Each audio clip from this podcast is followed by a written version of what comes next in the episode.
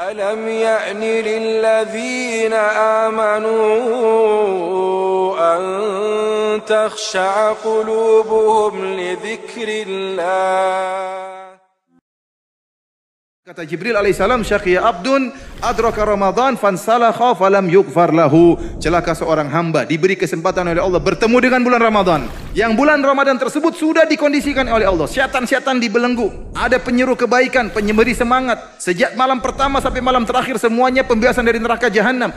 Bulan ampunan, bulan berkah, pintu-pintu surga dibuka, pintu-pintu neraka ditutup. Sampai bulan Ramadan selesai, selesai tidak diampuni, ini hamba yang kebangetan, hamba yang celaka. Kita semua masing-masing tahu betapa banyak dosa yang kita miliki. Masing-masing tahu. Ukur dosa kita betapa banyak. Dosa lisan, dosa pandangan, dosa pendengaran, dosa berkaitan dengan orang tua kita, dosa berkaitan dengan istri kita, dosa berkaitan dengan suami kita. Terlalu banyak dosa. Ini kesempatan bagi kita untuk diampuni oleh Allah Subhanahu wa taala. Maka jangan sekali-sekali Anda menyamakan bulan Ramadan dengan bulan yang lainnya. Jangan disamakan. Sekarang waktunya semangat, sekarang waktunya beribadah, sekarang waktunya baca Quran, sekarang waktunya sholat malam. Kapan lagi datang bulan seperti ini. Belum tentu Anda mendapat menemui bulan Ramadan pada tahun berikutnya. Para orang-orang soleh terdahulu, mereka berdoa lama berbulan-bulan agar bisa dipertemukan dengan bulan Ramadan. Karena mereka tahu agungnya bulan tersebut. Mereka tahu mereka bisa diampuni, kesempatan diampuni luar biasa dalam bulan tersebut. Mereka berdoa kepada Allah agar bertemu dengan bulan tersebut.